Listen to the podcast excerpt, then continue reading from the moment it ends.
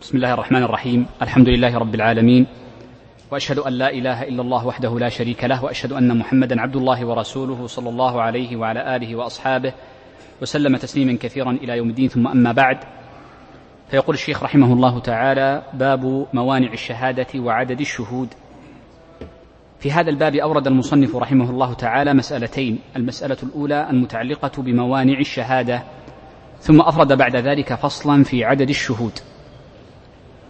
والموانع للأصوليين معنى يذكرونه لها. وهذا المعنى قد يكون استخدام الفقهاء له مغايرا بعض الشيء. وذلك أن الأصوليين يقولون إن المانع هو الذي يلزم من وجوده العدم. وفي مقابله الشرط فإن الشرط هو الذي لا يلزم من وجوده وجود ولا عدم لذاته ولكن يلزم من عدمه العدم أي من عدم الشرط عدم الحكم. إذا فالمانع عند الأصوليين مقابل للشرط عندهم فالمانع ينعدم الحكم بوجوده والشرط ينعدم الحكم بعدمه. وأما الفقهاء فإنهم في كثير من الأحيان إذا عدوا الشروط فإنهم يدخلون الموانع معها ولا يفرقون بين الموانع والشروط في الجملة. نص على ذلك غير واحد من أهل العلم.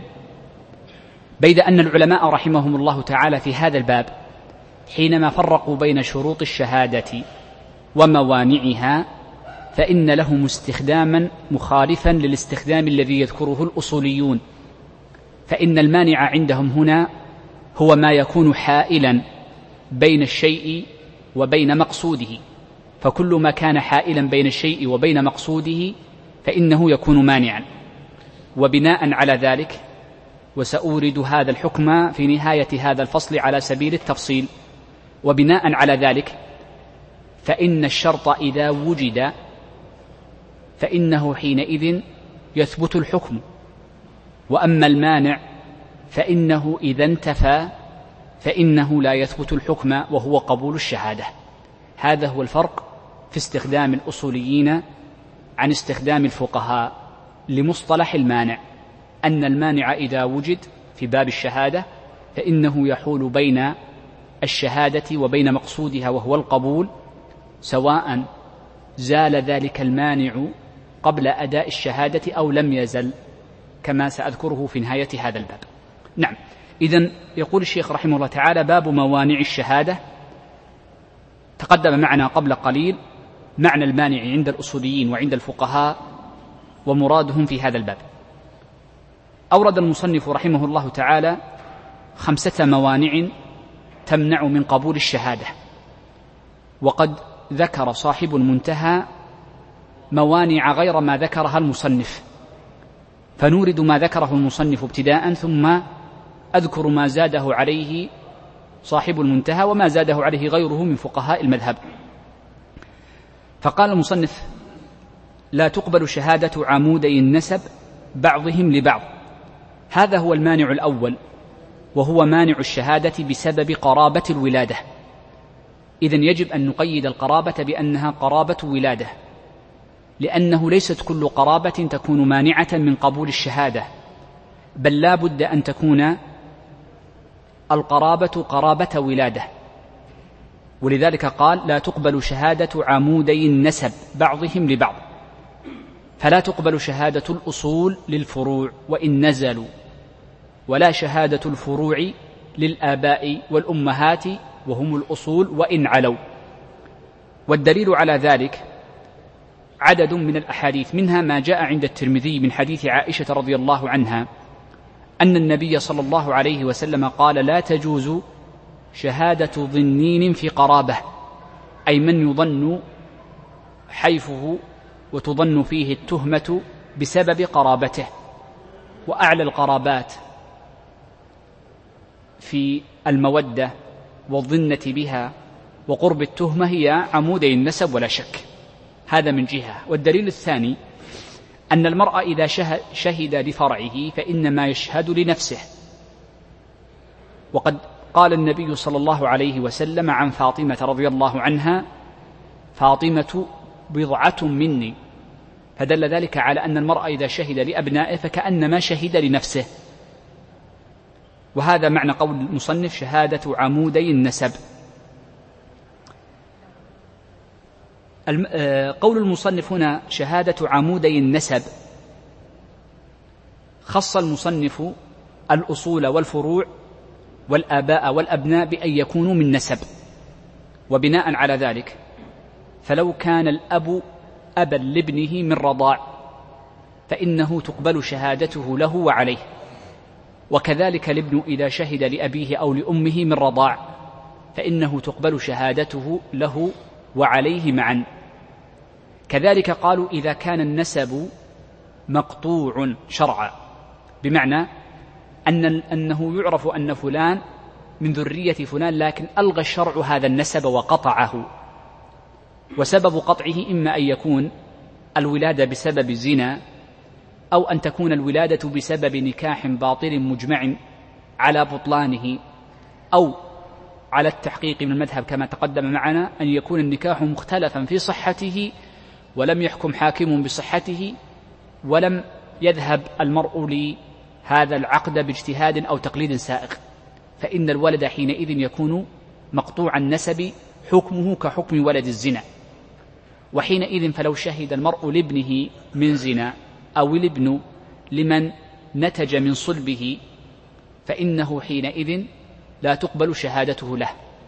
وأما شهادة المرء لأمه من زنا فإنه مقبول لأن نسبه من أمه مقبول لأن الثبوت ليس بالفراش وإنما بسبب الولادة وهي موجودة. إذا قول المصنف عمودي النسب يخرج من ذلك أمران شهادة الرضاع وشهادة الشهادة الأب والابن من الرضاع والشهادة لابن الزنا أو للأب من الزنا.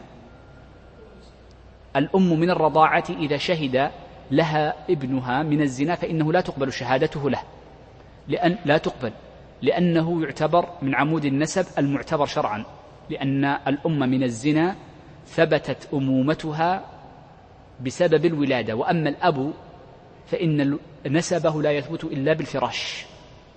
أو بالاستلحاق في مجهول النسب. طيب قال بعضهم لبعض عندنا قاعدة هذه القاعدة أننا كل من نقول إنه لا تقبل شهادته له فإنه تقبل شهادته عليه. وهذا هو الأصل أن كل من أطلق الفقهاء أنه لا تقبل شهادته له فإنه تقبل عليه وسيأتي دليلها بعد قليل. إذا فقوله بعضهم لبعض أي فيما يجيب النفع.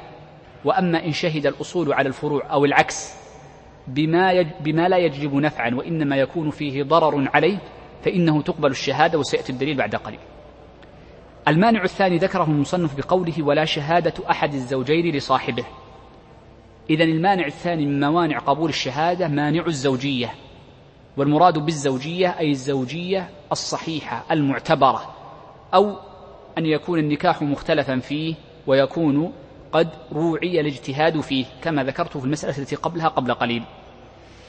والدليل على أنه لا يقبل شهادة أحد الزوجين لصاحبه قالوا لأنه يجلب لنفسه نفعا ويدفع عنها ضرا فإن الرجل جرت عادته والمرأة جرت عادتها في غالب الناس بل في كل الناس إلا ما ندر أن يتبسط أحدهم في مال صاحبه وأن كل مال يكتسبه أحد الصاحبين أي الزوجين فإن زوجه ينتفع به والضد بضده كذلك. فحينئذ نظرنا لمعنى العام في التهمة فإننا نمنع من قبول الشهادة لأجله. قال الشيخ وتقبل عليهم. الضمير في قوله وعليهم أي على الصورة الأولى والثانية بالمانع الأول والمانع الثاني. فتقبل الشهادة على الأصول والفروع وتقبل الشهادة على أحد الزوجين إذا شهد على صاحبه بثبوت دين في ذمته أو إتلاف ونحو ذلك. والدليل على أنه تقبل الشهادة عليهم لا لهم. قول الله جل وعلا يا أيها الذين آمنوا كونوا قوامين بالقسط شهداء لله ولو على أنفسكم. هذا يدل على البضع وهو الإبن والذرية أنه يقبل. قال ولو على أنفسكم أو الوالدين والأقربين. فما كان من باب الشهادة عليه فإنها تقبل بنص كلام الله جل وعلا. قال الشيخ بدأ يتكلم عن المانع الثالث قال ولا من يجر إلى نفسه نفعا. وهذا هو المانع الثالث وهو مانع جر النفع جر المرء جر المرء لنفسه نفعا. فإنه حينئذ يكون مانعا من قبول الشهادة لعموم أن في ذلك تهمة للمرء. فإن المرء إذا جر لنفسه نفعا فإنه يكون قد جر لنفسه تهمة. ومن الأمثلة التي ذكرها الفقهاء لجر المنفعة للنفس بسبب الشهادة. قالوا لو أن الوكيل شهد لموكله فيما وكل فيه.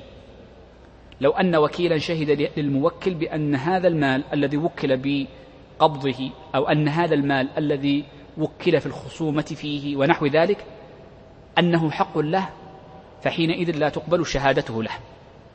ونحن نعلم أن المحامي يكيفه الفقهاء أنه وكيل بالخصومة.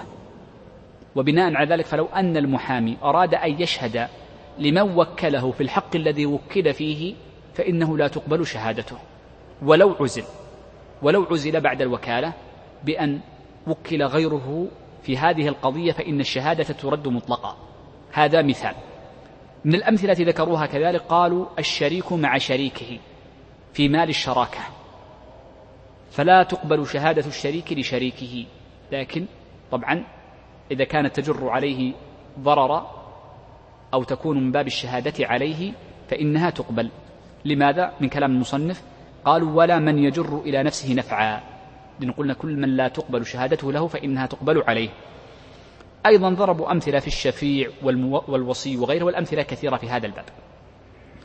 المانع الرابع ذكره المصنف قال أو يدفع عنها ضررا. وهو المانع بدفع الضرر. مانع دفع الضرر. لأن المرأة إذا دفع عن نفسه ضررا فإنه يكون متهما في في شهادته. والإنسان مجبول على أنه يسعى لتحصيل المنفعة لنفسه ودفع الضرر عنها ولربما أدى سعيه لتحقيق هذين الأمرين إلى كذب أو إخفاء لشهادة. فلذلك لا تقبل شهادته في هذين الأمرين بسبب هذين المانعين. ومثل الفقهاء للشهادة لدفع الضرر عن النفس قالوا من أجل صورها الشهادة بجرح البينة. فلو أن المدعى عليه شهد بجرح البينة التي تشهد عليه فلا تقبل شهادته. لو أن امرأ ادعى على آخر مالا أو حقا فقيل للمدعى عليه ما تقول في هذه البينة؟ قال أشهد أن هذه البينة ليست عادلة. سواء ذكر سببا أو لم يذكر سببا. فلا تقبل شهادته بل لا بد أن يأتي بشاهدين يشهدان أن هذه البينة وهم الشهود أن هذه البينة ليست عدل. فلا تقبل شهادته في جرحهم. كذلك على مشهور المذهب قالوا العاقلة إذا شهدت بجرح البينة المثبتة لدية الخطأ فإن وشبه العمد. فإنه كذلك لا تقبل شهادتهم بالجرح بل لا بد أن يكون الجارح غيرهم. وقد ذكر بعضهم يعني يعني يعني خلينا نقول ضابطا عاما فقال إن سائر من لا تقبل شهادته له إذا شهد بجرح الشاهد فإنه لا تقبل شهادته بالجرح. هذا الضابط. إذا كل من لا تقبل شهادته له إذا شهد هذا الرجل بجرح البينة المثبتة عليه الحق فإنه لا تقبل شهادته لأن فيها دفعا للضرر عن نفسه. المانع الخامس الذي ذكره المصنف وهو الأخير ما ذكره المصنف قال ولا عدو على عدوه. وهذا هو المانع الخامس وهو مانع العداوة.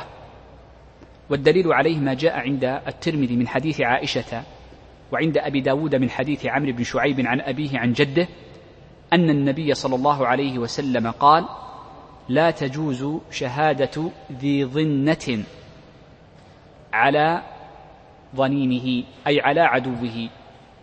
وهذا يدخل فيه العداوة ويدخل فيه مطلق التهمة. استثني من العداوة أمران. الأمر الأول قالوا إذا كانت العداوة لله جل وعلا فإنها تقبل الشهادة. ومعنى العداوة لله عز وجل ثلاثة أمور. أن يشهد المسلم على الكافر مع أن بينهما عداوة لله لاختلاف الدين. أو أن يشهد مسلم على مبتدع مع أن بينهما عداوة في الدين فإنها تقبل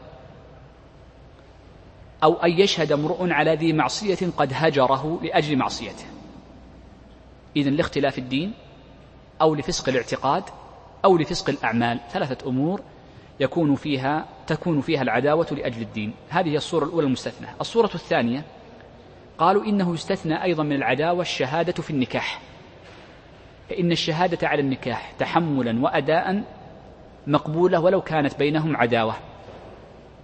لما لهذا العقد من الخصوصية ولأنه آه، لو يعني منع من العداوة لربما أبطلت أنكحة كثير من الناس. فالحاجة تقتضي قبول شهادة العدو على عدوه في عقد النكاح. إذا مستثنى أمران هما اللذين ذكرتها قبل قليل يقول الشيخ بدأ يتكلم في أو بعض الأمثلة في شهادة العدو على عدوه. قال كمن شهد على من قذفه. من قذف آخر بزنا سواء أقيم الحد عليه أو لم يقم الحد وإنما طولب به فقط فإن شهادة آه، المقذوف على قاذفه لا تقبل لوجود العداوة بينهم. فتلغو حينئذ. إذا تلغو شهادة المقذوف على قاذفه لأن بينهما عداوة فبسببه أقيم عليه الحد. قال أو قطع الطريق عليه. فحينئذ أيضا لا تقبل شهادة من قطع عليه الطريق على قاطعه لأنه أخذ ماله وأخافه. فحينئذ ترد شهادته. قال ومن سره مساءة شخص أو غمه فرحه فهو عدوه. هذه الجملة قد يظن أنها ضابط العداوة وهي أن من سره مساءة شخص أو غمه فرحه فإنه عدوه. والحقيقة أن هذا إنما هو وصف كاشف وليس ضابطا له لأن العداوة التي تكون في القلوب ذكر العلماء أنها نوعان بعضها مكتسب وبعضها موروث أي جبلي.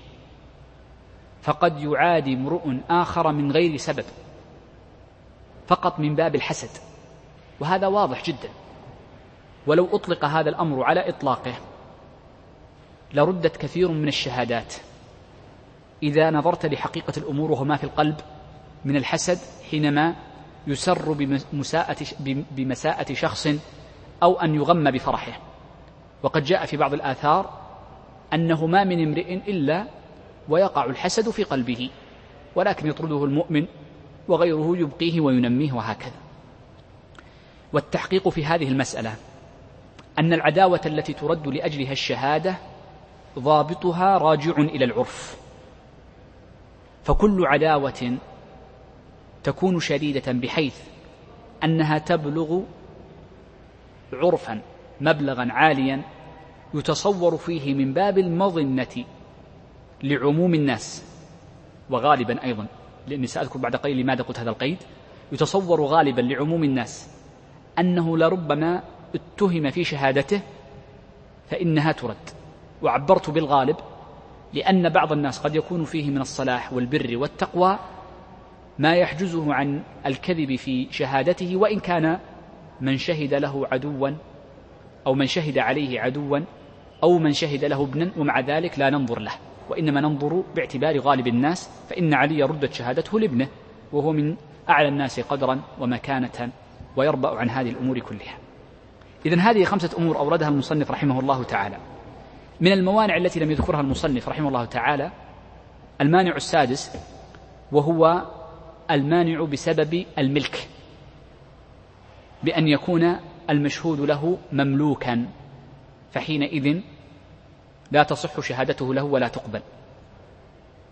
ومن الموانع كذلك قالوا الحرص وهذا ذكرها صاحب المنتهى وإن لم يذكرها غيره كما في الإقناع. قال الحرص على أداء الشهادة قبل الاستشهاد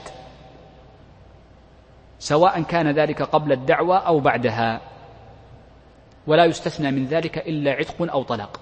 هذه ذكرها صاحب المنتهى وإن كان يعني غيره قد لا يعني يعني يوافقه تماما. وهذه مبني على المسألة ذكرتها في أول باب الشهادات وهي قضية أداء الشهادة قبل قبل طلبها. أيضا من من الموانع التي لم يذكرها المصنف وهو المانع الثامن وهو العصبية والحمية. فيقولون إنه لا تقبل شهادة من عرف بعصبية أو عرف بإفراط بحمية وإن لم تبلغ هذه العصبية وهذه الحمية درجة العداوة. بعض الناس يعرف بحمية لبلده على بلد أخرى. أو حمية لقبيلته على قبيلة أخرى وهكذا.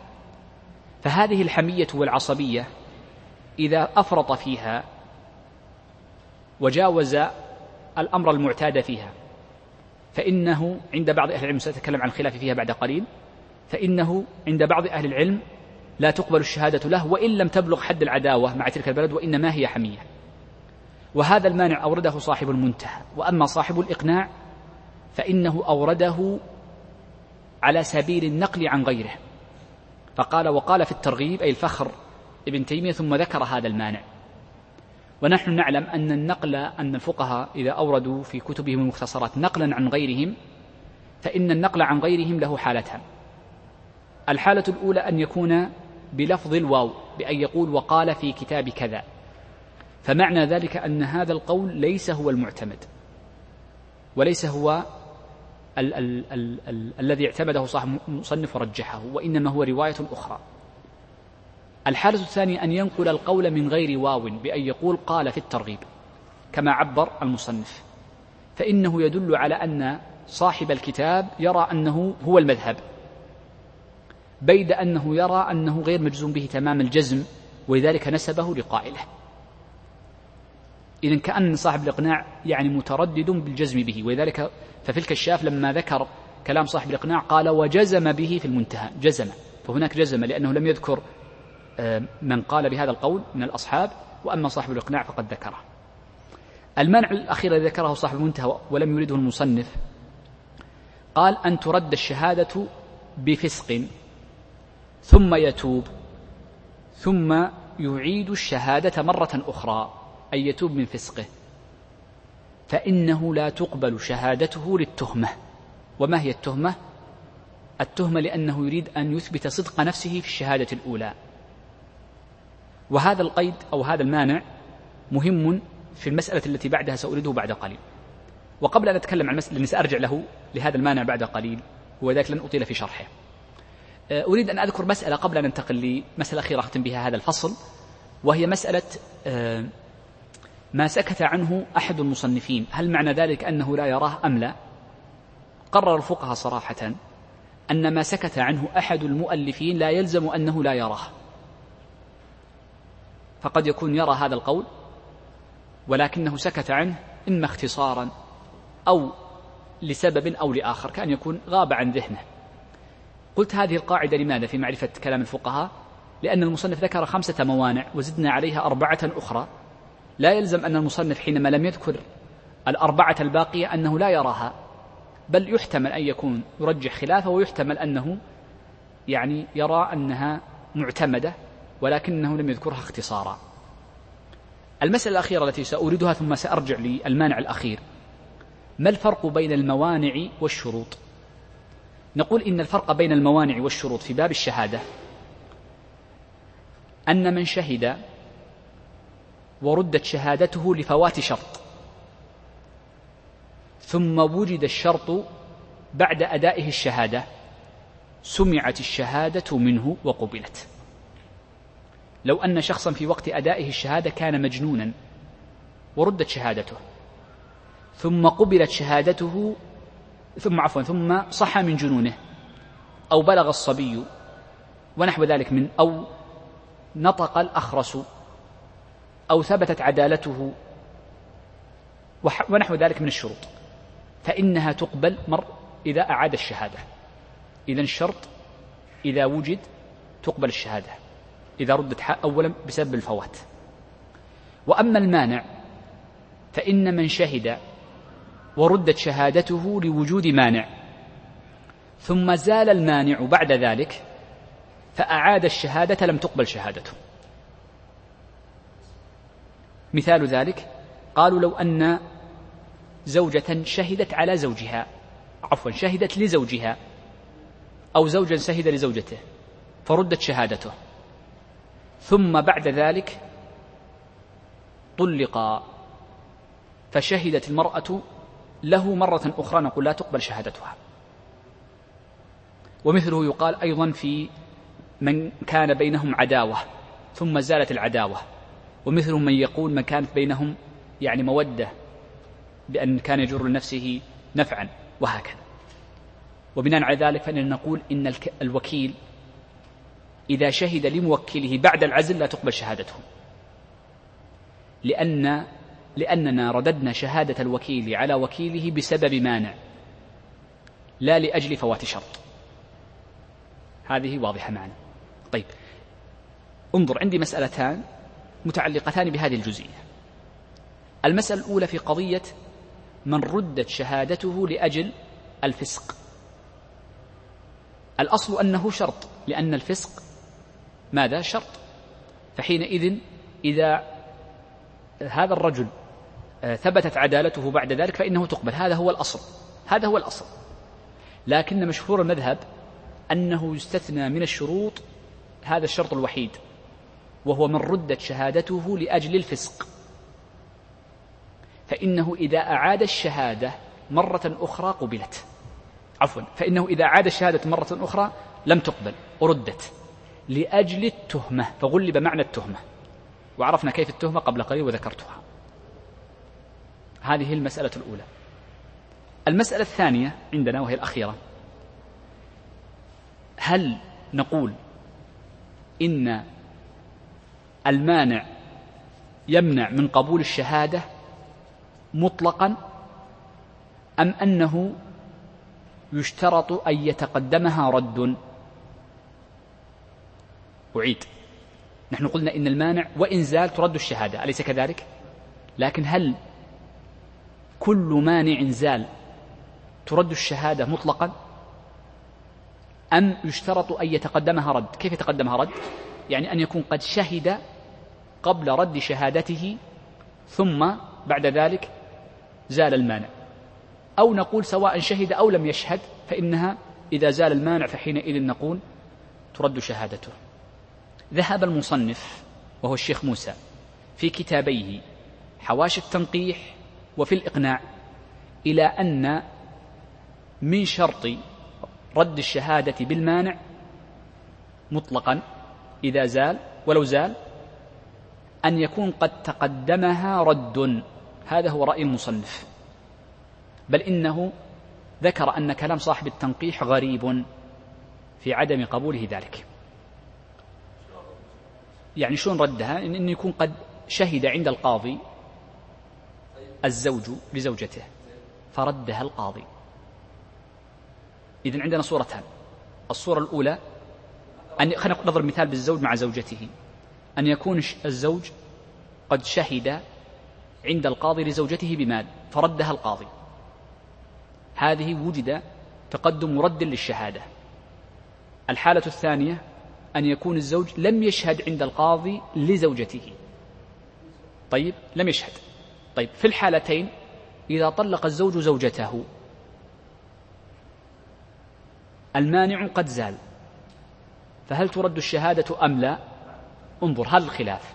من قال إنه يشترط أن يتقدمها رد وهو رأي المصنف الشيخ موسى في الإقناع والتنقيح وفي حواشي التنقيح قال يجب ترد في الصورة الأولى ولا ترد في الصورة الثانية. يعني إذا طلقها وشهد لها فإن كان قد شهد لها قبل ردت شهادته وإن لم يشهد لها فلا ترد. ومن قال مطلقا وهو الذي سأذكره بعد قليل فإنه يقول في الصورتين لا تقبل الشهادة. طلقتها أو لم تطلقها شهدت لها قبل أو لم تشهد لها قبل فإنها ترد الشهادة لأنه مانع والمانع يستمر حكمه. لا في العين هذه.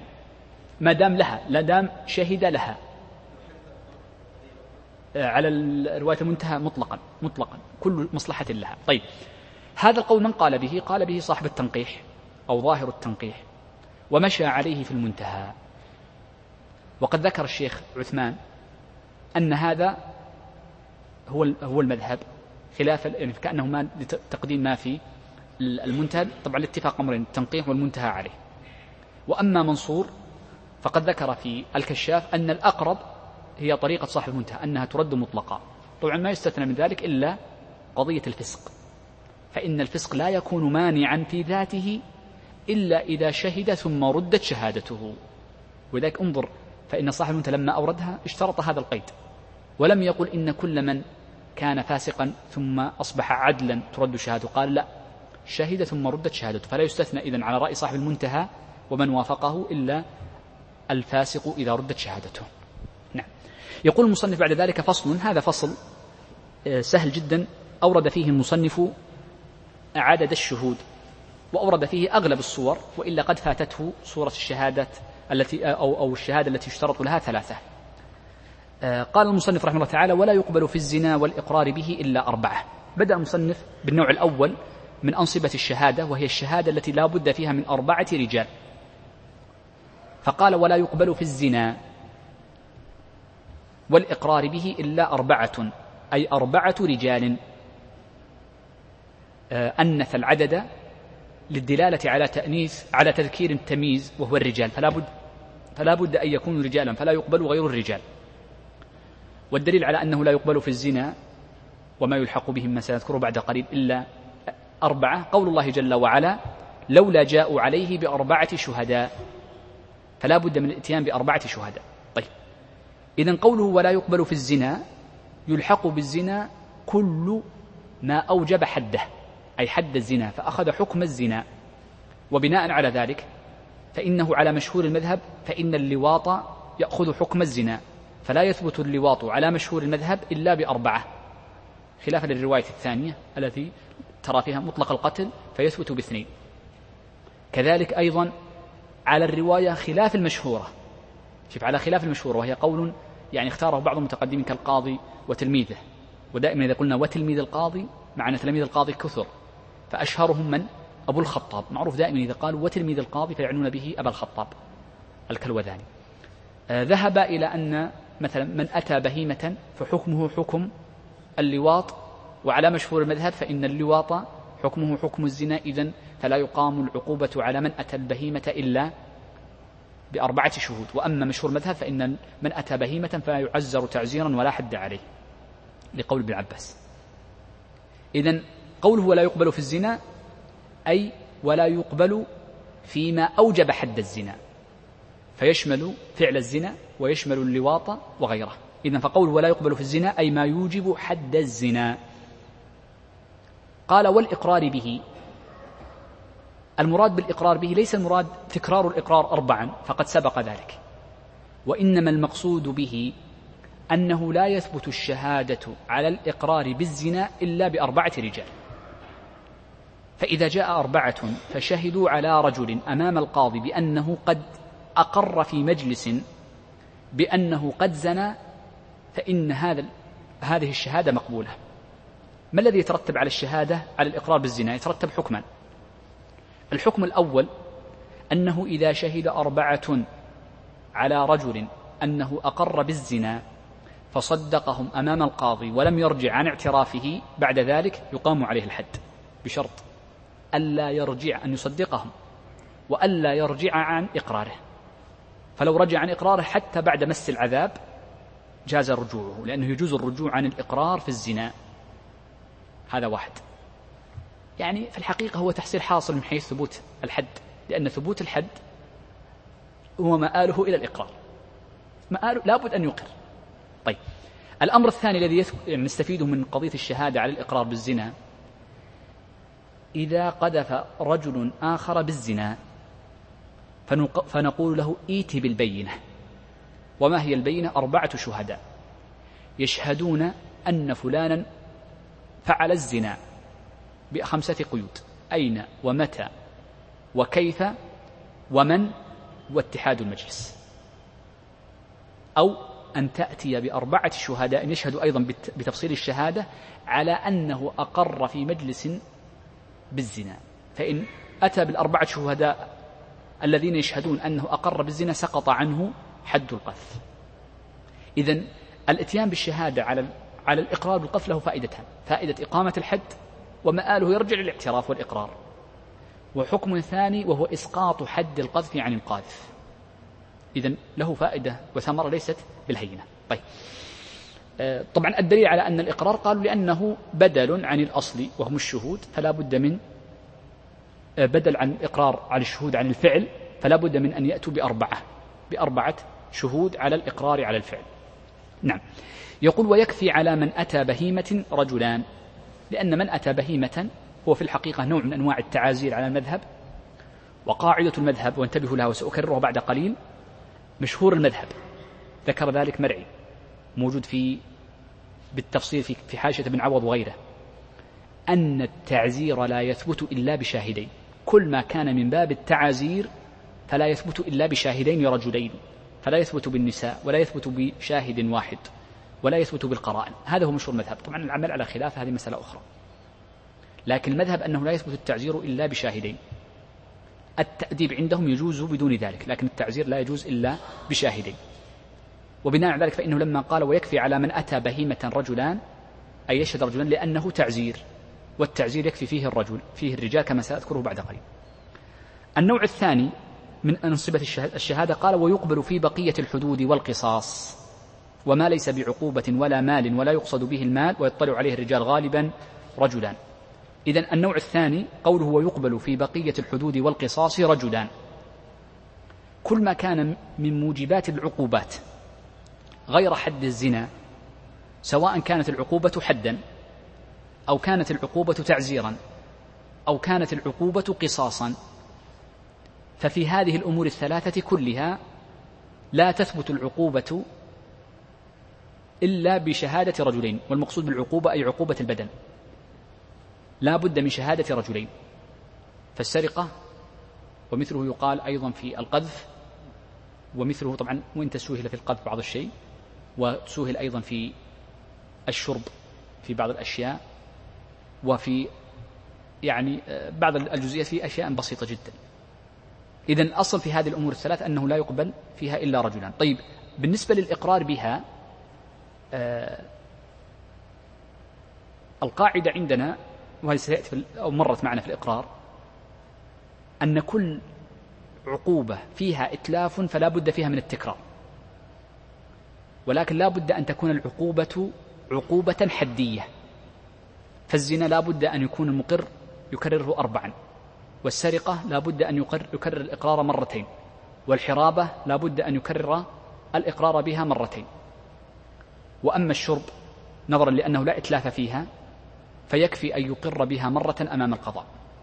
ومثله كذلك أيضا البغي إذا قلنا إنه حد. التعزير يكفي بالإقرار فيه مرة لأنه لا إتلاف فيه وإنما فيه عقوبة على البدن. كذلك أيضا نقول في القصاص لأنه ليس حدا وإنما هو قصاص. فمشهور المذهب أنه يثبت القصاص بإقرار مرة مرة واحدة فقط ولأن فيه معنى حق آدمي. النوع الثالث من من أنصبة الشهداء هو قوله وما ليس بعقوبة ولا مال ولا يقصد به المال فلا يقبل فيه إلا رجلان. قوله ما ليس بعقوبة ليخرج النوع الأول والثاني. وقوله ولا مال ليخرج النوع الرابع الذي سيريده بعد قليل. قال ولا يقصد به المال. لأن هناك أشياء قد لا تكون مالا لكن يقصد به المال مثل الإتلاف وهكذا. قال ويطلع عليه الرجال غالبا ليخرج النوع الخامس الذي سيريده المصنف فإنه لا بد فيه من رجلين. ومثل ذلك بأمثلة. قال كنكاح. فالنكاح لا بد أن يشهد عليه رجلان وكذلك الطلاق. والمقصود بالطلاق الشهادة على الإثبات وليس الشهادة على صحة العقد. فليس عقد من العقود يشترط لصحته الشهادة إلا النكاح كما مر معنا. ورجعة أي للإثبات أيضا. فإن مشهور مذهب أن الرجعة لا يشترط لصحتها إشهاد وإنما يشترط لإثباتها فقط إذا تنزع فيها. قال وخلع. هنا كلمة خلع فيها إشكال أريد أن تنتبهوا له بعض الشيء. كلمة خلع هنا سيورد المصنف أنه أو أورد المصنف هنا أنه لا بد فيها من شهادة رجلين. وسيأتي في آخر هذا الفصل أنها قد تثبت بشهادة رجل وامرأتين.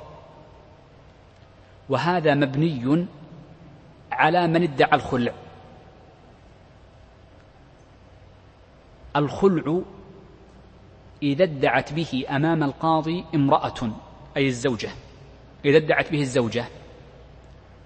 فإنه حينئذ لا تسمع الدعوة لا تقبل لا يقبل الحكم به إلا بشهادة رجلين. لأنه ليس مالا وليس مقصودا به المال إذا ادعت به الزوجة. وأما إذا ادعى به الرجل الزوج فإنه حينئذ يكون من المقصود بالمال من النوع الذي بعده. لأنه إذا ادعى الزوج ما الفرق بين ادعاء الزوج والزوجة؟ الزوجة تقول أريد أنا أريد إثبات الخلع. وهي ليست تدفع لا, لا هي حقيقة دعواها راجعة إلى الخلع إثبات الفرقة. وأما الزوج إذا ادعى فهو في الحقيقة يقصد العوض فهو مقر على نفسه بوجود الفسخ. ولذلك يفرقون بين ادعاء الزوجة وادعاء الزوج. إذن قول المصنف هنا وخلع أي إذا ادعته الزوجة فلا بد فيه من رجلان. وأما إذا ادعاه الزوج كما سيأتي في آخر الباب فإنه يكون مما يقصد به المال فيقبل فيه شهادة رجل وامرأتين وشهادة رجل ويمين المدعي. قال ونسب أيضا نسب لا بد فيه من رجلين وولاء سواء كان الولاء من علو أو من سفل لأنه يترتب عليه نفقة ويترتب عليه استحقاق وإرث ونحو ذلك. قال وإيصاء إليه.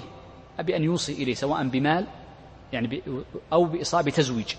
قال يقبل فيه رجلان ولا يقبل غير الرجال ولا يقبل دون رجلين. النوع الرابع من الأنصبة قال ويقبل في المال وما يقصد به كالبيع رجلان أو رجل وامرأتان ورجل ويمين. هذا النوع الرابع من الأنصبة وهو المال وما يقصد به المال. مثل عقود البيع وعقود الإجارة والوديعة والشركات والعارية وكذلك أيضا يعني كل سائر باب العقود والمعاملات كاملا. ومما يدخل أيضا في ما يقصد به المال الجناية إذا كانت خطأ فإنها تثبت بشهادة رجل وامرأتين أو رجل ويمين لأن الجناية الخطأ المقصود منها إنما هي الدية والدية مال فحينئذ آه، لا تكون كذلك. طبعا هنا مسألة أريد يعني أريد أن أبينها لكم. هل الدية عقوبة أم ليست عقوبة؟ آه، كثير من المعاصرين يقول إن فيها معنى العقوبة لكنها ليست عقوبة. وقد نص على ذلك بعض فقهاء الحنابلة فقد ذكر ابن نصر الله في حواشيه أن الدية ليست عقوبة وإن وجد فيها معنى العقوبة ولكن لما لم تكن عقوبة فإنه يقبل في إثباتها شهادة رجل وامرأتين. نعم. آه نعم. أيضا كذلك ما يدخل فيه الجناية العمد إذا آه، كانت لا توجب القود قال والأجل لأن الأجل يقصد به المال والخيار فيه أي في العقود أو في الخيار في الأجل كأن يكون خيار آه، خيار يعني آه، شرط. قال ونحوه مما سبق تمثيله قال رجلان ورجل وامرأتان. والدليل على أنه يجزئ في ذلك رجل وامرأتان قول الله جل وعلا واستشهدوا شهيدين من رجالكم فإن لم يكونا رجلين فرجل وامرأتان. فهذا نص على أنه يقبل الرجل والمرأتين يقبل الرجل والمرأتان. قال ورجل ويمين المدعي أي ويجوز أن يقبل في الأموال شهادة رجل واحد مع يمين المدعي الذي ادعى الحق. والدليل عليه ما ثبت في صحيح مسلم من حديث عمرو بن دينار عن ابن عباس رضي الله عنهما أنه قال قضى النبي صلى الله عليه وسلم بالشاهد واليمين. قال عمرو بن دينار وهو صاحب ابن عباس وراوي الحديث عنه وذلك في الأموال. وهذا نص صريح جدا على أن آه، الرجل واليمين المدعي تقبل في الأموال خاصة دون باقي الحقوق. النوع الخامس من الأنصبة قال وما لا يطلع عليه الرجال كعيوب النساء تحت الثياب والبكارة وغيرها فيقبل فيه شهادة امرأة عدل. آه هذا النوع من أنواع الشهادة هي الشهادة خفف فيها لأجل الحاجة وعدم ضياع الحقوق. فإن هناك أشياء لا يمكن أن يطلع عليها الرجال. وإن اطلع عليها النساء فقد لا يطلع عليها عدد جم وإنما يطلع عليه المرأة الواحدة فقط. ولذلك يقول وما لا يطلع عليه الرجال كعيوب النساء تحت الثياب كالبياض البرص ونحوه أو مثلا وجود الأشياء التي تكون من العيوب المانعة من النكاح وتقدم ذكرها في باب عيوب النكاح قال والبكارة والثيوبة. آه، المرأة قد تعرف أن المرأة الأخرى بكر أو ثيب بالنظر للمحل. فحينئذ هذا الأمر لا يكشف لأي أحد وإنما يكشف لقابلة ونحوها تستطيع عن معرفة ذلك. قال والحيض والولادة والرضاع. الحيض بأن ترى المرأة دم المرأة الأخرى وقد أخرجته مباشرة ولم تدعي أنها رأت دما وقالت هذا هو دمي وإنما رأته في محله. فحينئذ يشهد بأن هذه المرأة حائض. وإذا ثبت أنها حائض ترتب عليها أحكام في العدد ترتب عليها أحكام في آه، العبادات وغيرها. قال وكذلك الولادة أن تشهد أن هذا المولود من هذه المرأة. وكذلك الرضاع بأن تشهد أن أن فلانة أرضعت فلان أو أنها هي أرضعت فلان. وأما الرضاع فسبق معنا حديث عقبة بن الحارث في قبول شهادة امرأة واحدة. قال والاستهلال. معنى الاستهلال بمعنى أن الولد أن المولود ولد مستهلا. ومعنى الاستهلال في المذهب أمران والثالث فيه خلاف سبق معنا وهو أن يستهل صارخا أو أن يستهل عاطسا أو أن يتحرك حركة كثيرة تعرف بها الحياة. هذا هو الثالث الذي ذكرته في محله. آه، قد يستهل صارخا ثم يموت بعدها بدقيقة أو أقل فلا يشهد على استهلاله إلا امرأة. ولذلك ثبت عند أحمد أن علي رضي الله عنه قضى بقبول شهادة امرأة في الاستهلال. قال ونحوه أي وكل أمر لا يشهد لا يحضره الرجال غالبا لا يكون الرجال موجودون فيه غالبا أي غالب الأحيان فننظر للغالب ليس المطلق. قال تقبل فيه شهادة امرأة واحدة. يكتفى بامرأة واحدة. والأحوط أن تكون اثنتين. قال عدل أي لا بد أن تكون المرأة عدلا. فإن كانت ليست بعدل من الشروط التي سبق أنها يعني تشترط في الشاهد فحينئذ لا تقبل شهادتها. قال والرجل فيه كالمرأة. أي وإذا شهد بهذه الأمور رجل فإنه تقبل شهادته من باب أولى فيكون حكمه كحكم المرأة. وقول المصنف الرجل فيه كالمرأة الكاف هنا للتشبيه. فلو شهد رجل وشهدت امرأة بضده فنقول إن هاتين الشهادتين متعارضتان ولا ترجيح لأحدهما على الآخر. ولا نقول تقدم شهادة الرجل على المرأة ولا شهادة المرأة على الرجل إلا أن يطعن في إحدى الشهادتين بعدم الحضور ونحو ذلك من المسائل المتعلقة في محلها. ثم ختم المصنف بمسألة تتعلق دقيقة جدا تتعلق في آه، ربما تجزيء الشهادة. انظر معي عندنا مسألة تسمى تجزيء الشهادة أو تبعيض الشهادة. هل تبعض الشهادة أم لا؟ جرى بعض الفقهاء أنا أتكلم الآن على سبيل التأصيل ثم سآتي للتفريع بعد قليل لأن التأصيل إنما يؤخذ من الفروع. جرى بعض الفقهاء على أنهم يقولون إن الشهادة لا تتبعض ولا تتجزأ فإما أن تقبل كلها وإما أن ترد كلها وذكروا لذلك فروعا مبنية عليه. وقد ذكر بعض متأخر الفقهاء وهو الشيخ أيضا بن نصر الله قال إن تحقيق المذهب وجادة المذهب أن الشهادة تتجزأ وتتبعض في كل صورها. وذكر ذلك أمثلة ومما يتعلق بأمثلة تجزيء الشهادة وتبعيضها الصورة سنذكرها بعد قليل. طبعا من يرى عدم التجزيء والتبعيض يقول هذه في الحقيقة هما شهادة تختلف عن الشهادة الأولى قد أوجهها بعد قليل عندما أذكر كيف قبلت الشهادة. إذن هذه الصور في الحقيقة نستطيع أن ندخلها في مسألة تجزيء الشهادة أو تبعيضها. عند من يرى أن المذهب هو التبعيض وهو بن نصر الله شيخ المرداوي تعرفون توفي 844 آه، يعني تقبل الشهادة في بعض سأذكر هنا بعض الأمثلة وأمثلتها كثيرة جدا تجزيء الشهادة.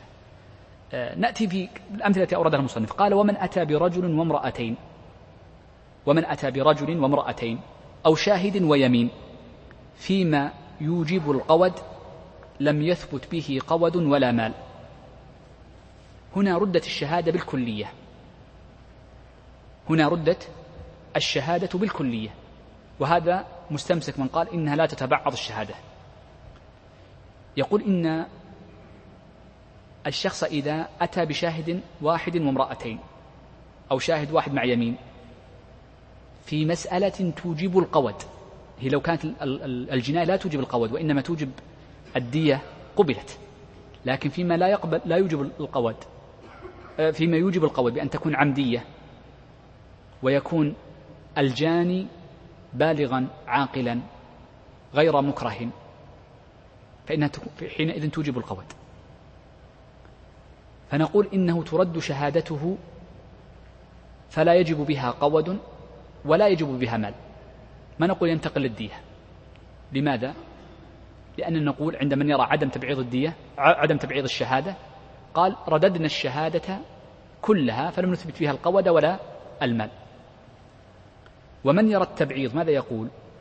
يقول إنما رددنا شهادته لأن وهذه المسألة ذكرتها قبل كنتم تتذكرون لأن موجب العمد هو القصاص والدية بدل عنه. إذا لم نقبلها في جزء دون جزء رددناها لأن موجب أصلا الجناية العمد إنما هو القصاص. فلما كان الشهادة غير مثبتة للأصل فمن باب أولى فرعه وبدله. لكن لو كان موجبا لأمرين معا لقلنا حينئذ تكون آه، قد تقبل توجب المال ولا توجب القصاص. وضحت مسألتي كيف شرحتها؟ هم على القول أنا أوجه لك ماذا؟ أوجه لك هذا الفرع على القاعدتين اللتين نسبتا للمذهب. وتحقيق المذهب هي الثانية وهي كما ذكر ابن نصر الله وهو لا شك أنه من أميز المتأخرين بعد وهو تلميذ ابن رجب يكفي أنه تلميذ ابن رجب. طيب. إذا قوله ولا مال أي مال دية ولا أرش. المسألة الثانية قال وإن أتى بذلك يعني أتى بشاهد واحد وامرأتان أو أتى بشاهد ويمين في سرقة ثبت المال دون القطع. لأن السرقة يثبت بها أمران ليس أمرا واحدا. يثبت بها قطع اليد ويثبت بها ضمان المال المسروق. فهي قضيتان. فبعضنا قبول الشهادة فقبلناها في المال ولم نقبلها في الحد. فمن أتى بشاهد واحد فقط مع يمين المدعي فنقول حينئذ يجب رد المال ولا يقطع ولكن قد يعزر. ولكن يعزر هنا يعزر لأن الفقهاء قال إذا ضعفت البينة يعزر لأجلها الحدود كلها إذا ضعفت البينة يعزر لأجلها. طيب. آه أيضا مما يلحق بهذه المسألة آه يقولون إن السارق إذا ردت عليه اليمين في رد المال فنكل يعني مثلا ردت قيل له احلف فنكل قال لا أريد أن أحلف لما ردت له اليمين حينئذ يغرم المال ولا تقطع يده. فإن النكول لا يثبت به أي حد من الحدود. خلنا ننتهي بس شوي ننتهي. طيب. يقول الشيخ وإن أتى بذلك في خلع ثبت له العوض. انتبه هذه المسألة هي المسألة التي قلنا لكم قبل قليل أنها مشكلة. هذه من الدقائق أريد أن تركز معي. لابد أن نأتي بأفعال حذفها المصنف. أولا قوله وإن أتى يجب أن نقدر فيها فاعل وهو رجل دون امرأة. لأن لو قلنا أتى المدعي خطأ. لأن لو كان المدعي امرأة فإنه حينئذ يختلف الحكم. فلا تقبل الشهادة مطلقا لا بمال ولا بغيره لا بد من رجلين. إذا لا بد نقول إذا أتى رجل.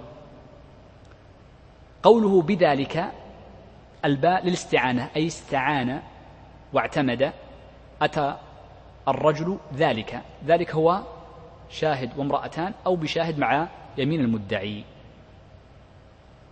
أي إذا أتى الرجل بهذا في خلع ثبت له العوض يثبت له العوض إذا أتى بهذه البينة. قال وتثبت البينونة بمجرد دعواه. يعني سواء أتى ببينة أو لم يأتي ببينة فقد بانت امرأته منه. بانت. وهي البينونة الصغرى فتثبت بها البينونة. فإن أتى بشاهد واحد مع اليمين ثبت له المال لأن الدعوة تكون حينئذ بالمال. إذا أريدك أن تفرق بين المسألتين وأكررها المرة الأخيرة في قضية الخلع. إذا ادعى الرجل غير إذا ادعت المرأة. ثم قال المصنف رحمه الله تعالى بعد ذلك فصل. في هذا الفصل أورد المصنف فيه خلنا نمشي بس عشان ننتهي بسرعة. قبل الدعوة انتهى الباب. قلتها شرحتها. ها؟ بهذه الدعوة بمجرد أن يدعي ولو لم يأتي ببينة. نريد أن ننتهي بسرعة.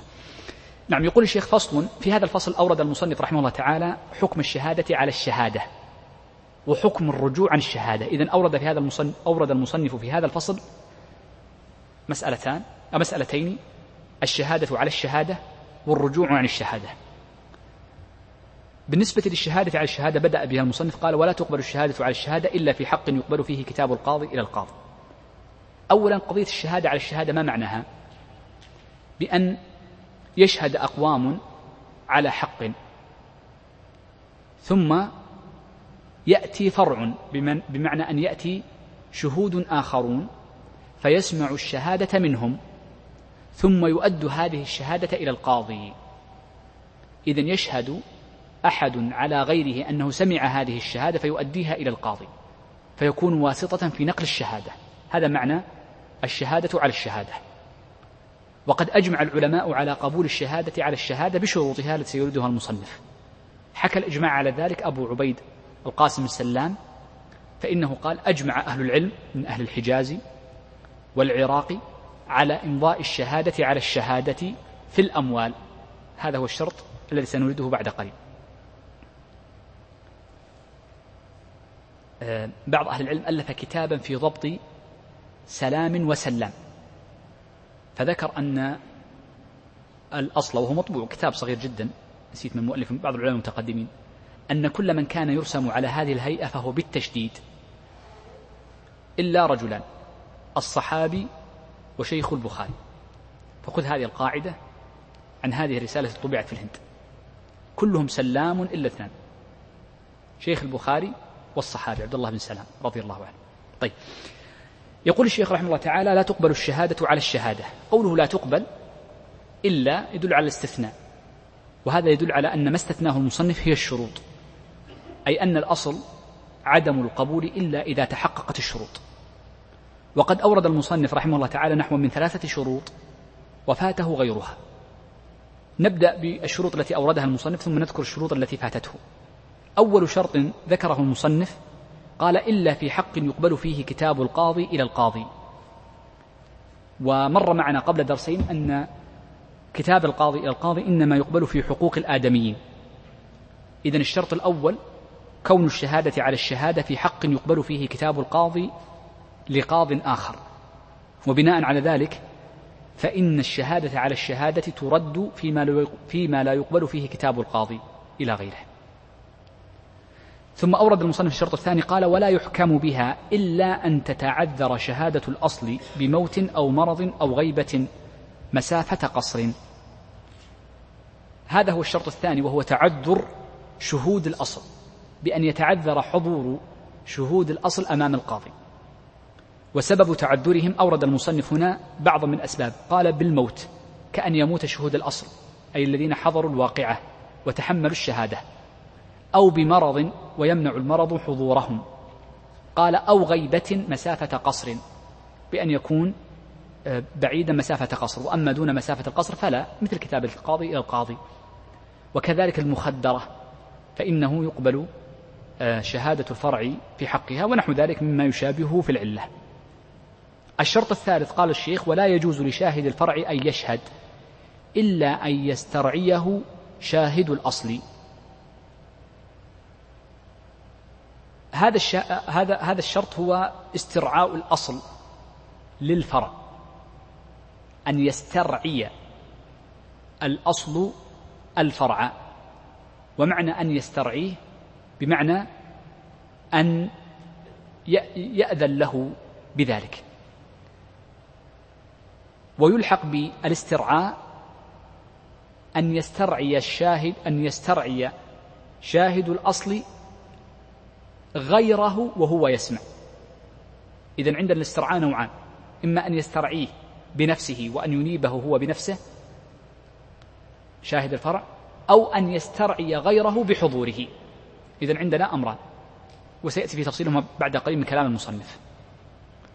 الدليل على أنه لا بد من الاسترعاء قالوا لأن شاهد الفرع كالوكيل والوكيل لا يصح إلا بوكالة ونيابة. والوكالة صورة من صور النيابة. فحينئذ لما كانت النيابة لا تصح إلا بإذن فإن شهادة الفرع لا بد فيها من الإذن. وهذا الإذن نوعان إما إذن مباشر لشاهد الفرع أن يشهد وإما إذن لغيره ولكنه يكون حاضرا له. طيب.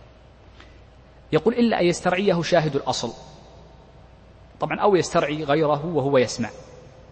فيقول اشهد على شهادتي بكذا. طبعا قوله إشهد هذا هو المذهب لابد أن يقول إشهد. والرواية الثانية والتي عليها العمل كما ذكر بعض المتأخرين أنه لا يلزم أن يقول إشهد. حتى في لفظ الشهادة لا يلزم أن يقول شهدت أو أشهد. قال أشهد على شهادتي بكذا. هذا النوع الاسترعاء. أن يسترعي غيره انظر هذا يسترعي غيره وهو يسمع.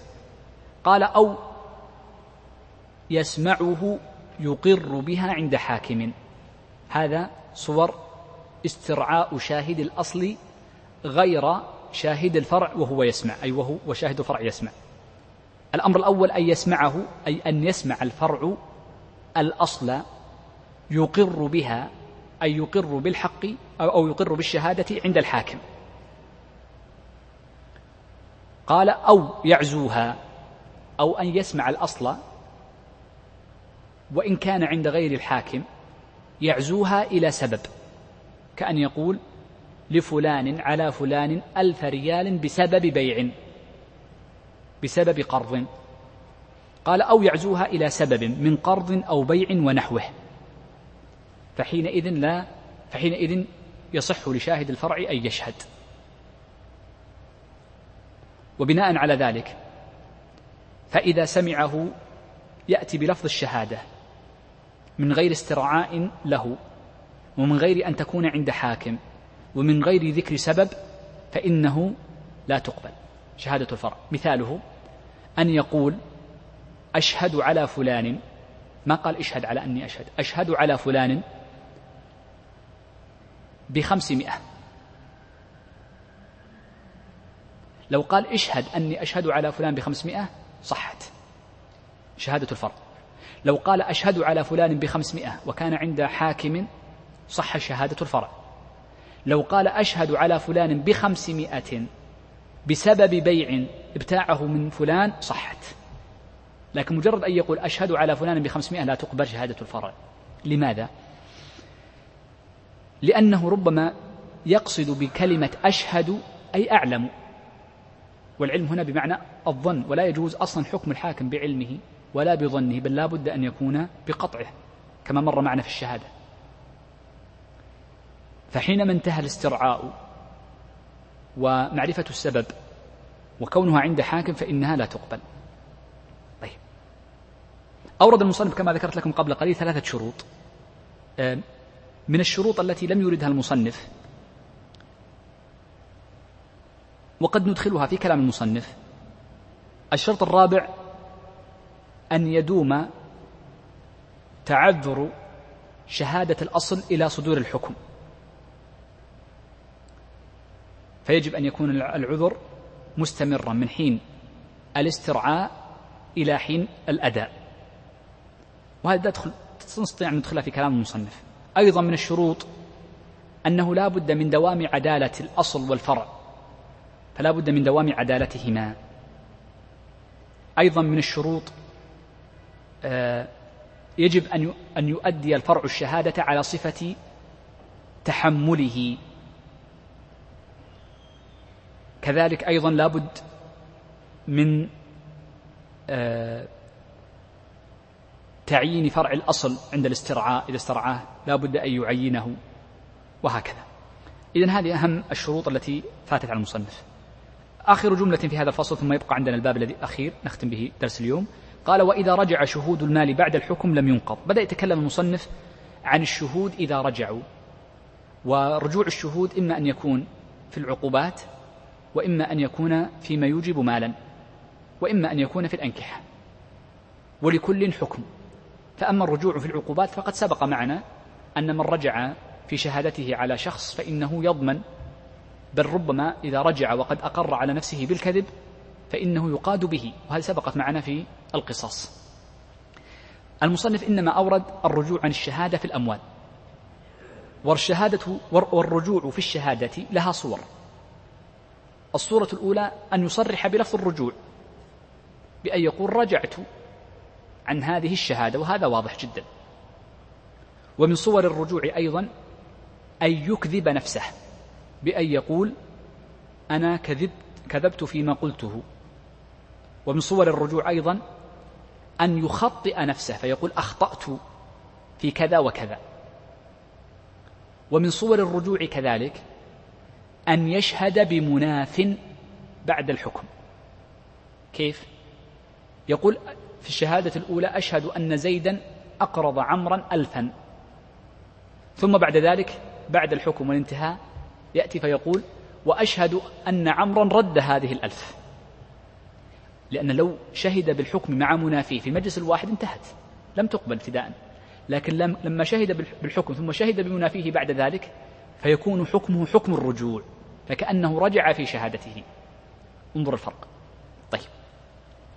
إذا هذه صور للرجوع وقد يوجد غيرها ليست على سبيل الحصر. ما الذي يترتب على الرجوع؟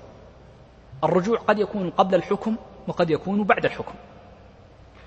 فإن كان قبل الحكم فلا شك أنه لا يحكم بها لأنه ثبت عدم صحة هذه البينة وعدم صحة هذه الشهادة وهذا واضح.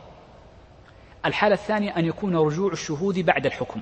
وهو الذي ذكره المصنف قال وإذا رجع شهود المال. طبعا قلت لك المال لأن هناك رجوع تتعلق بالعقوبات وسبق الحديث عنها فإنه يضمن إذا ثبت إكذاب نفسه وإن كان خطأ فإنه يعني يضمن المال فقط. قال بعد الحكم وعرفنا أن قبل الحكم لا ترد الشهادة مطلقا. قال لم ينقض. لم ينقض الحكم بل يصبح الحكم لازما. لماذا؟ لأنه يحتمل أن يكون كاذبا في رجوعه. لأنه أكذب نفسه ورجع. فالاحتمال إما أن يكون كاذبا في الأول أو يكون كاذب في الثاني. أو مخطئ في الأول أو في الثاني. قطعا هو مخطئ في أحدهما. والأول قد صدر به حكم. فحينئذ لا ينقض بتكذيب نفسه لأن البينة هي نفسها التي رجعت. فحينئذ لا ينقض الحكم الأول. لاحتمال أنه قد كذب في الثانية أو أخطأ فيها. لا ينقض الحكم. لكن يلزمه هو أن يضمن المال لمن حكم له كما سيذكر كلام المصنف. إذا لم ينقض الحكم وقوله لم ينقض مطلق سواء من كان له الحق قبض الحق أو لم يقبضه لا فرق. يعني شهدت البينة أن زيدا أن بيت زيد لعمر أن بيت زيد لعمر ثم رجعت البينة بعد الحكم. فنقول إن هذا البيت لعمر وإن لم يقبض يقبض عمرو البيت. لم لا ينقض بالرجوع. لكن ما الذي يجب؟ قال ويلزمهم الضمان أي ويلزم البينة والشهود الضمان. فيضمنون المال المثلي بمثليه والقيمي بقيمته. إلا في حالة واحدة إذا صدقهم المشهود له فحينئذ يكون من باب الإقرار من طرفه. قال دون من زكاهم أي من زكى هؤلاء من زكى الشهود فإنه لا يضمن. لا يضمن بذلك. والحقيقة أن هناك صورة وإن كان لم يذكرها المتأخرون وإنما ذكرها الشيخ تقي الدين فإنه يلزم فيها الضمان. وهي إذا زكى زكى المزكون الشهود وهم يعلمون كذبهم فإنهم يكونون كالمتواطئين. ذكر هذا القيد شيخ الإسلام وأظنه يجري على قواعد المذهب. قد ذكرت لكم ابتداء أن أن عدم الذكر لا يقتضي النفي. طيب. قال وإن حكم بشاهد ويمين ثم رجع الشاهد غرم المال كله. يعني أن هذا الشاهد يغرم المال كله. آه، والسبب في ذلك قالوا لأن اليمين في الحقيقة آه، يعني ليست كالشاهد. وإنما هي من باب الشرط لثبوت الحكم القضائي وإنما هي من باب الشرط. فلا فالحقيقة أننا حكمنا بالشاهد الواحد ومن باب الشرط لاستحقاقك لكي نقوي جانبك قلنا احلف اليمين احلف اليمين. ولذلك أحيانا قد يتأجل الحق أو إذا تعذرت اليمين فيما لو كان المقضي له وقف ونحوه من الذي يحلف فيها نزاع طويل جدا في هذه المسألة؟ آه، بقي عندنا الباب الأخير ونختم به درسنا اليوم وهو باب اليمين في الدعوة. وباب اليمين في الدعوة باب مهم جدا. ولكن الفقهاء في عرضهم هذا الباب عندهم طريقة غريبة جدا. أن أغلب أحكام هذا الباب يوردونها في غير هذا الباب. ففي باب البيع وباب الإجارة وكل باب بلا استثناء حتى الأبواب المتعلقة بالجنايات يوردون أحكام اليمين. فأحكام اليمين في الدعوة مبثوثة في أبواب الفقه وإنما يذكرون هنا مسألتين في الأساس. أو ثلاث مسائل. مسألتان يذكرون مسألتين أساسا. المسألة الأولى ما, لا ما تدخله اليمين وما لا تدخله اليمين؟ وما كانت تدخله اليمين فارجع للباب الذي ذكر فيه وانظر صفة اليمين وعلى من تجب اليمين ولمن توجه اليمين. المسألة الثانية يذكرون صفة حلف اليمين أمام القاضي. إذا الفقهاء عندما أوردوا هنا المسألة الأولى فكأنهم يقولون ارجع لتلك الأبواب تجد فيها تفصيل اليمين في كل باب على خصوصه. اليمين يقول فقهاؤنا إنها لا تسقط الحق أي يمين المنكر وليست يمين المثبت الذي معه الشاهد وإنما يقصدون يمين المنكر. أن يمين المنكر لا تسقط الحق وإنما تقطع الخصومة. وبناء على ذلك فإن اليمين في حق المدعى عليه ليست بينة وإنما هي مسقطة للخصومة. ولذلك قد يجوز ومر معنا في باب قبل بابين يجوز في بعض الصور أن يرجع المدعي ويرفع الدعوة ويثبت الحق. ولا نقول إنها من تعارض البينات. يقول الشيخ باب اليمين في الدعوة قال لا يستحلف في العبادات. طبعا قوله لا يستحلف هنا كما ذكرت قبل قليل إن المراد الاستحلاف في الإنكار في دعوى الإنكار دون دعوى الإثبات. دعوى الإثبات فيها اليمين من جهتين. الجهة الأولى في الشاهد واليمين. والنوع الثاني في دعوى الإثبات إذا قيل برد اليمين للمدعي إذا نكل المدعى عليه.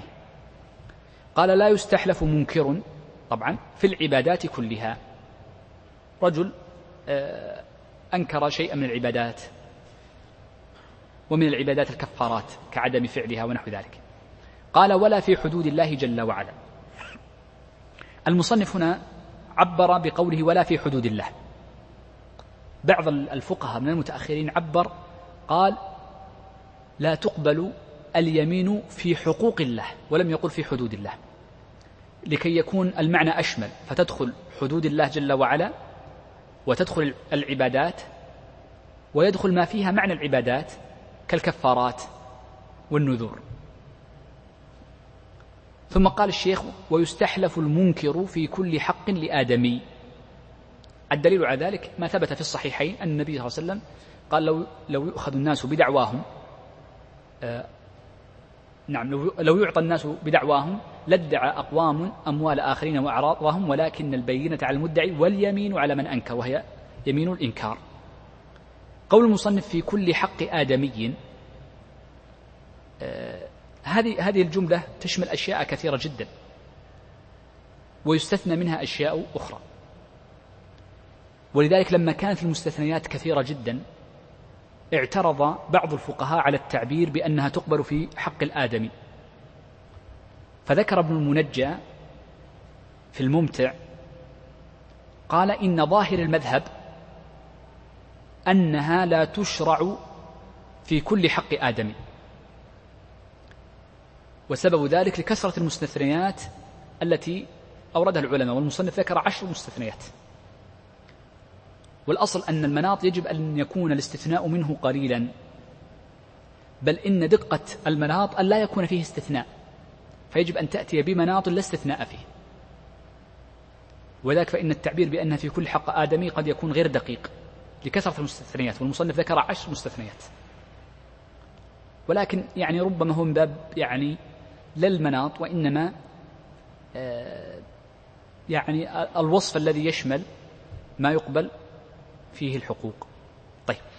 قال إلا النكاح فإن النكاح لا يقبل فيه والطلاق كذلك والرجعة والإيلاء وأصل الرق. إيش معنى أصل الرق؟ يعني أنه إثبات الرق هل هو رقيق أم أنه حر؟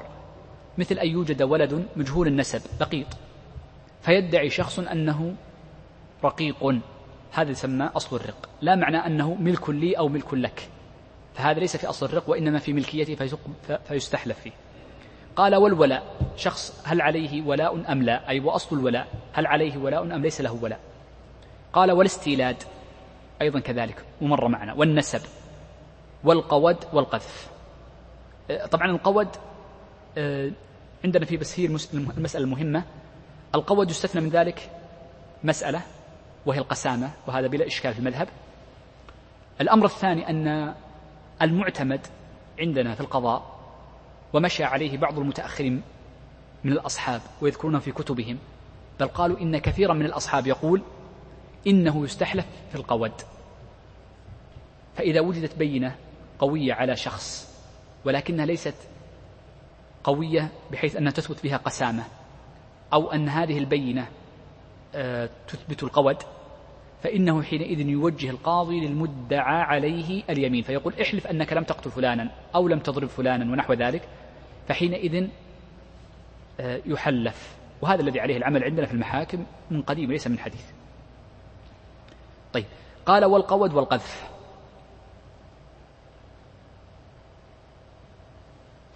طبعا هذا ما يتعلق بالاستحلاف. فيما يتعلق بالنكول آه، النكول إنما يقضى به في المال وما يقصد به المال فقط دون باقي الحقوق. الأمر الأخير أو الجملة الأخيرة وينتهي به درس اليوم والباب بحمد الله وهو صفة اليمين. آه، ذكر المصنف أولا قال واليمين المشروعة اليمين بالله. قوله اليمين المشروعة أي اليمين المشروعة أمام القاضي سواء كانت يمين إنكار أو يمين إثبات لا فرق. في الثنتين سواء. قال اليمين بالله. طبعا الدليل على أنه لا بد أن تكون يمينا بالله. قول الله عز وجل تحبسونهما من بعد الصلاة فيقسمان بالله. فذكر اسم الله جل وعلا و يعني ذكر الله عز وجل في كتابه أن الإقسام يكون باسمه وأقسموا بالله جهد أيمانهم وهكذا.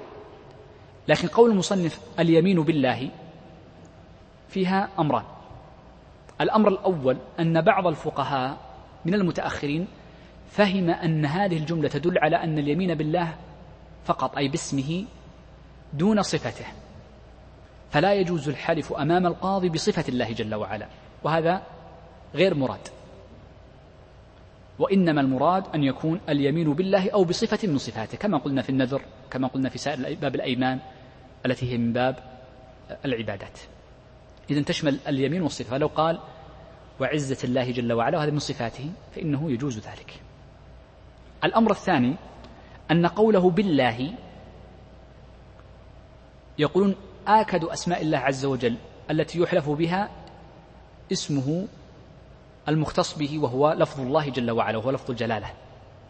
ولذلك يتأكد هذا الاسم أكثر من غيره فيقول والله أو بالله أو تالله.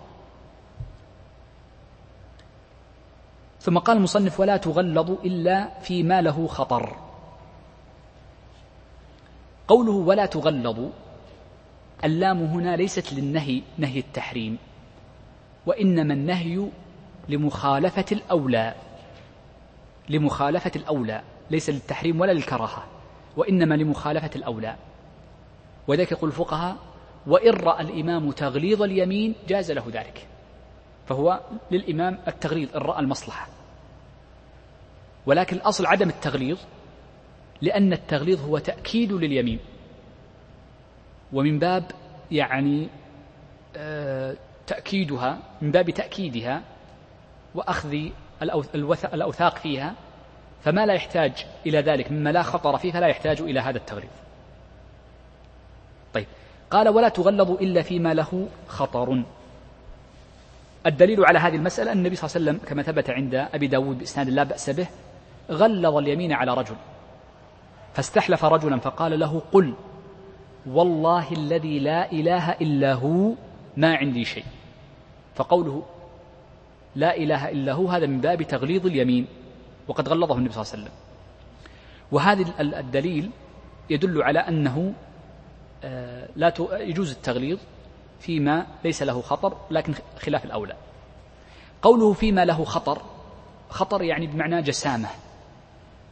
لأنه قد يترتب عليه أحكام مثل العتق فإن العتق في نفي العتق لو ادعى شخص على آخر أنه أعتق عبده فأنكر ذلك فإن فإنه يترتب عليه استرقاق الحر. فحينئذ نقول تغلظ اليمين على منكر العتق فيقول والله الذي لا إله إلا هو.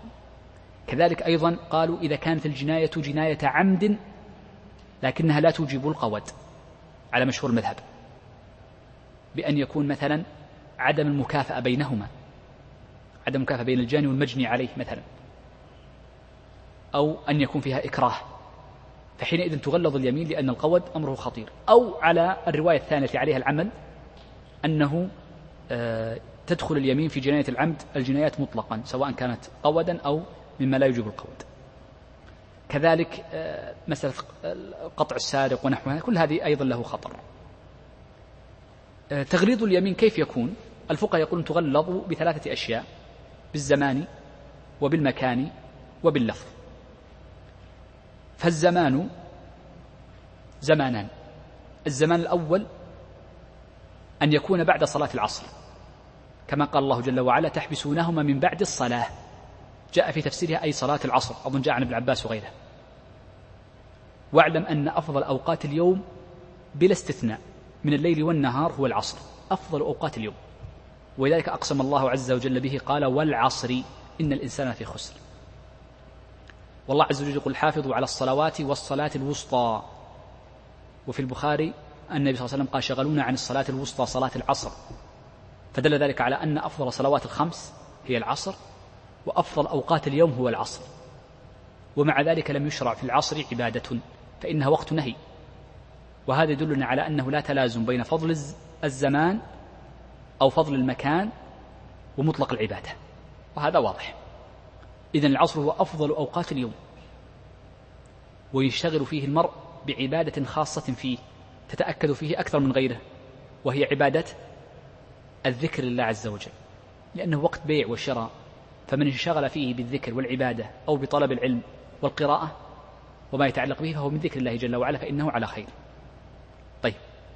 إذا هذا الزمان الأول. الزمان الثاني قالوا بين الأذان والإقامة. لا شك في فضله. إذا هذا الوقتان التي يغلظ فيهما زمانا. الأمر الثاني مكانا. التغليظ في المكان يختلف. فإن كان في مكة فإنه يغلظ في المسجد الحرام بين الركن والمقام. وإن كان في المدينة فإنه يغلظ فيما بين منبر النبي صلى الله عليه وسلم وبيته بجانب المنبر كما غلظ النبي صلى الله عليه وسلم عند الحلف عند المنبر. وإن كان في بيت المقدس فبعض فقهاء المذهب يقولون إنه يكون التعظيم لليمين مكانا بأن تجعل عند الصخرات عند الصخرة. وهذا غير صحيح. فلا فضل للصخرة مطلقا. والحقيقة أن بيت المقدس كسائر المساجد. يكون يعني بيت المقدس كسائر البلدان. وحكمه كسائر المساجد. من حيث التغليظ. فيكون التغليظ في بيت المقدس وفي سائر البلدان غير مكة يكون بالإتيان لأي مسجد فيه ويكون عند المنبر كما فعل النبي صلى الله عليه وسلم. فيؤتى بصاحب اليمين فعند المنبر فيقف. ليس في المحراب المكان الذي يصلي فيه وإنما يكون عند المنبر لأن النبي صلى الله عليه وسلم كان يصلي في طرف يخطب في طرف المسجد ويصلي في وسطه عليه الصلاة والسلام. فلم يكن منبره بجانب مصلاه عليه الصلاة والسلام. طيب آه، كان يميل أغلب اليسار. ولذلك لو نظرت للمسجد القديم فإن منبر مكان منبر النبي صلى الله عليه وسلم وهو قريب مكانه الحالي بعيد جدا عن آه، وسطه حينما كان مسجد النبي صلى الله عليه وسلم بمكانه السابق حتى قيل إنه كان في آخر المسجد قريب من الجدار. طيب إذا هذا ما يتعلق بالمكان. الأمر الأخير ما يتعلق باللفظ كما جاء في الحديث بأن يزيد لا إله إلا هو. والله الذي لا إله إلا هو. والفقهاء يزيدون أيضا عالم الغيب والشهادة. وبعض القضاة يزيد أيضا ألفاظ أخرى من باب التخويف. فيقول قل والله الذي لا إله إلا هو عالم الغيب والشهادة الذي يحيي ويميت. فمن باب التخويف. وإلا الذي يكفي في التغليظ لا إله إلا هو عالم الغيب والشهادة لورودها بالأثر. آه، هل من التغليظ الحلف على مصحف أم لا؟ فقهاؤنا يقولون إنه ليس من التغليظ في شيء. فالحلف بأن يضع المرء يده على مصحف أو في مصحف لا فرق بينه وبين غيره. وقد جاء عن بعض السلف كما نقله الشافعي رحمه الله تعالى قال إن أهل اليمن أي فقهاء اليمن يغلظون بالمصحف. فنقلها الشافعي عنه يقول ابن المنذر فلا نترك السنة المعروفة عن النبي صلى الله عليه وسلم وعن أصحابه لقول بعض فقهاء اليمن. فلم يثبت أن أحد من الصحابة رضي الله عنهم غلظ بوضع يد على مصحف ونحوه. بذلك نكون أنهينا هذا الباب وصلى الله وسلم وبارك على نبينا محمد وعلى آله وصحبه أجمعين.